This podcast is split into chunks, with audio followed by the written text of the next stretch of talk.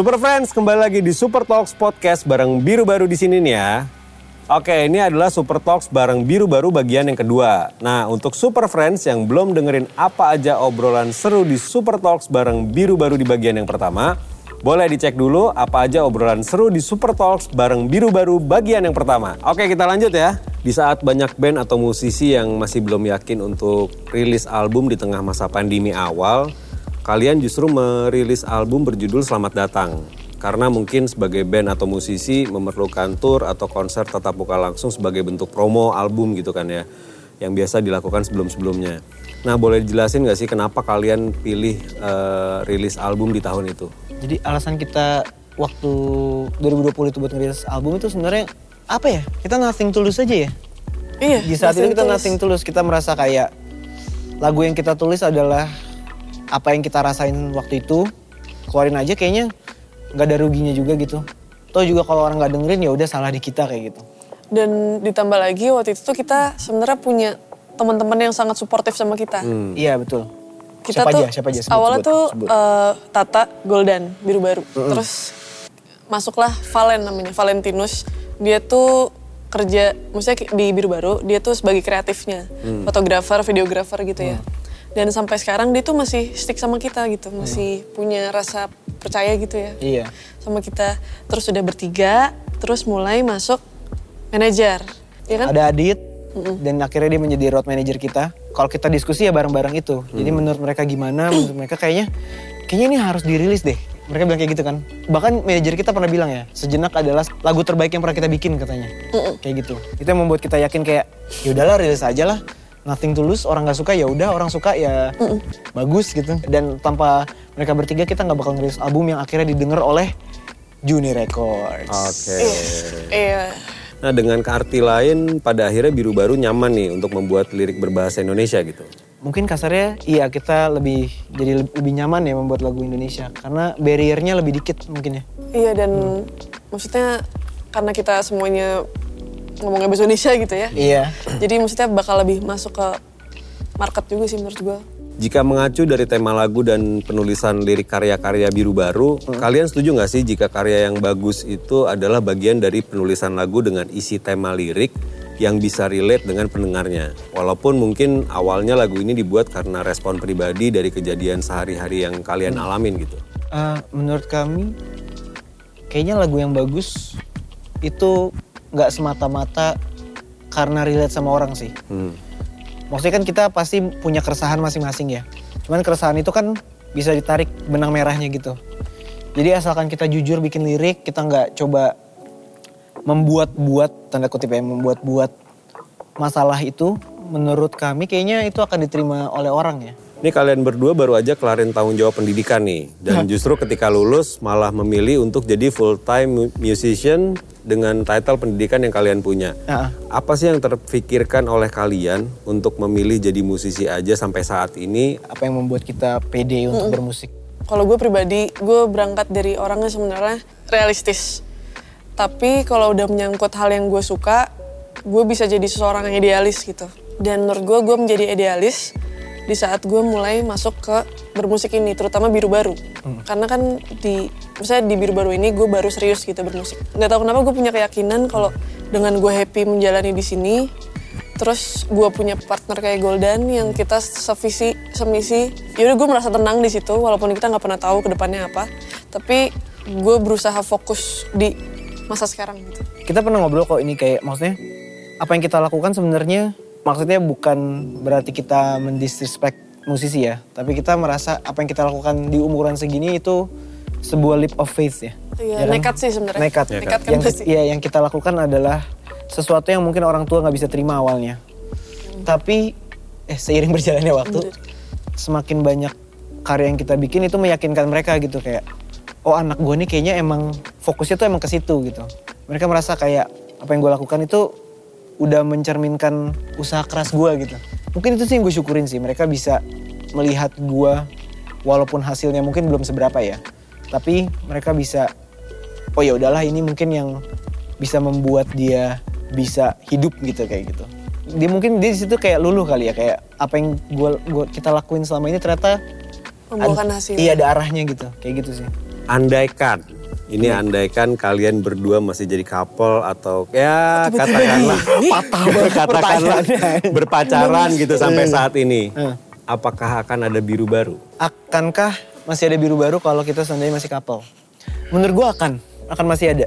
Ah, kenapa? Karena selama kita berpacaran pun waktu itu yang kita maksudnya topik yang heavy adalah musik. Ya kan? Kita sering ngomong musik apa apa apa apa gitu. Maksudnya kita sama-sama punya keinginan buat bisa bermusik, tinggal butuh sparksnya gitu gak sih? Iya. Karena kita berdua bisa memisahkan antara mana personal, mana kerjaan kayak gitu sih. Keren. Oke. Senyum-senyum. Oke. Tanya tambahan gue liat Oke, ini menarik nih. Sekarang Ini kan ya? berdua nggak berpacaran nih kan. Eh, apa sih yang ma- masalah apa sih yang lo hadapin di biru baru?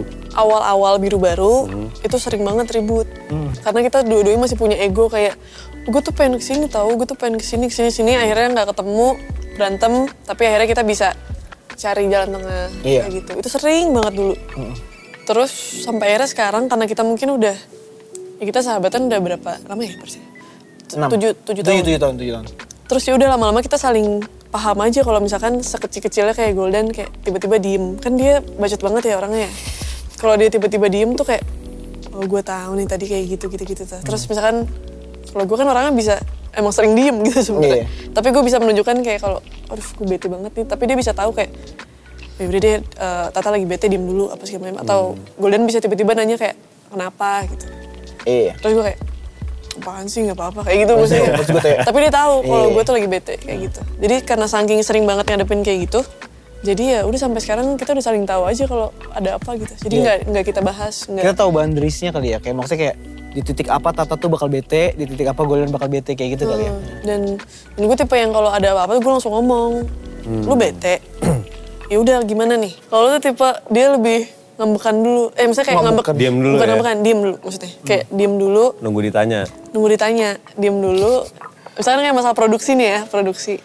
Gue bilang kayak gue jangan kayak gini deh. Bla terus dia kayak yaudah deh bebas kata bebas tuh itu udah itu udah warning buat gue tuh oh yaudah yaudah yaudah gimana nih terus akhirnya kita ngomongin debat-debat dulu terus yaudah akhirnya kita ketemu yaudah akhirnya dia udah reda dia yang ngalah terus misalkan gue reda gue yang ngalah jadi ganti-gantian aja sih Iya. Oke. Kayak Itu sih kita sama-sama tahu apa ya emosinya ya. Limit Iya. emosinya sih. Heeh. Oke. Ini kita balik lagi nih ya bahas karya-karya kalian. Di tahun 2021 kemarin kalian rilis single terbenam. Antara langit dan lautan, sinarnya menyembuhkan luka, sudahkah kita berlega hatinya? Nah, apakah ada sebuah pergulatan hati yang ingin kalian angkat di lagu ini? Oke, pergulatan hati yang ingin kita angkat dari lagu, lagu ini. terbenam dari lagu terbenam ya.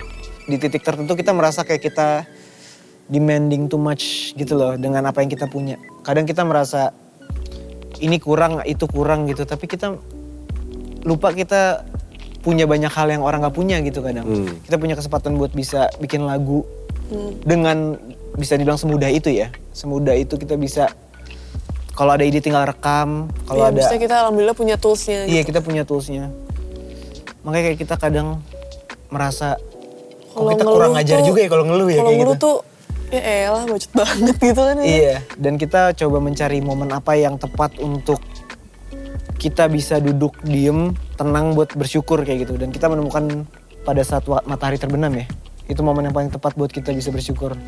Nostalgia Nostalgia adalah salah satu eh, track baru setelah kalian sign dengan label. Hmm. Nostalgia di sini bukan spesifik bercerita soal kerinduan hubungan dengan kekasih jika didengar gitu ya. Melainkan dengan lingkungan terdekat dari keluarga sampai sahabat yang kalian rindukan untuk em, sekedar bermain atau bercerita. Kalau boleh tahu secara spesifik, siapa aja sih orang yang Golden dan Tata rindukan di lagu Nostalgia? Orang spesifik yang kita rindukan Kalau gue waktu itu ini sih pas nulis sebenarnya gue ke- kepikiran teman-teman kuliah gue waktu itu. hmm, Kayak nggak tahu kan karena deket banget. Terus tiba-tiba pandemi. Terus ya udah kayak lagi kangen banget gitu nggak bisa ketemu. Ya udah akhirnya nulis. Gue sempat bilang sebenarnya ke temen gue kayak eh lu tau gak sih gue bikin lagu tentang kalian. eh gue juga gue ngomong ke temen SMA gue. Oh juga bilang. Iya. Terus kayak, oh iya terus gue gak tahu didengerin apa sekarang. didengerin apa enggak kan Iya. sekarang. Cuman itu kalau gue yang terlintas di Iya, pikiran kalau gue sejujurnya temen SMA sih. Temen SMA gue banyak yang kayak, gue lu apa kabar, ini apa telepon gue, tapi gue sengaja untuk tidak merespon gitu kadang karena gue merasa udah occupied sama dunia gue sendiri kayak gitu jadi sebenarnya yang lirik yang kita bikin itu sebenarnya me- me- menegur diri sendiri ya lebih ke menegur diri sendiri Oh iya dan menyindir kita sendiri sih sebenarnya. iya jadi teman-teman sama gue maafin gue ya karena gue menghilang dari peradaban Dari peredaran ya. iya Oke, setelah single Nostalgia Nostalgia, kapan album baru dari Biru Baru akan rilis? Karena kalau misalnya dilihat tahun ini udah lumayan baik banget untuk eh, para musisi bisa tampil lagi langsung di depan audiens. Jadi kapan nih? Kapan rilis album baru? Itu ya kapannya pokoknya di tahun ini. Targetnya di akhir tahun ya. Ya semoga lancar lah. Ya, semoga semoga ide-idenya lancar. Last but not least, em, bagaimana Biru Baru banyak mengubah hidup seorang Goldan dan Tata? Kemudian apa harapan kalian ke depannya dalam karir bermusik kalian berdua? Eh, biru baru sejujurnya su- sudah cukup mengubah gue di banyak aspek ya.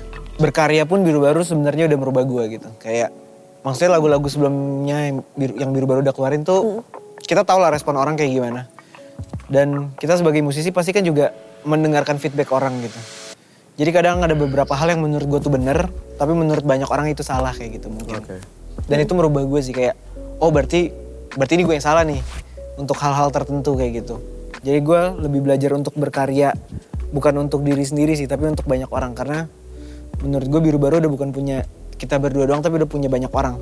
Gue udah menurunkan ego gue untuk berkarya untuk diri sendiri gitu. Kalau dari gue apa ya? Eh, gue lebih personal sih. Biru baru tuh jadi titik eh, kesekian gue untuk gue membuat keputusan kalau gue ingin ke sini.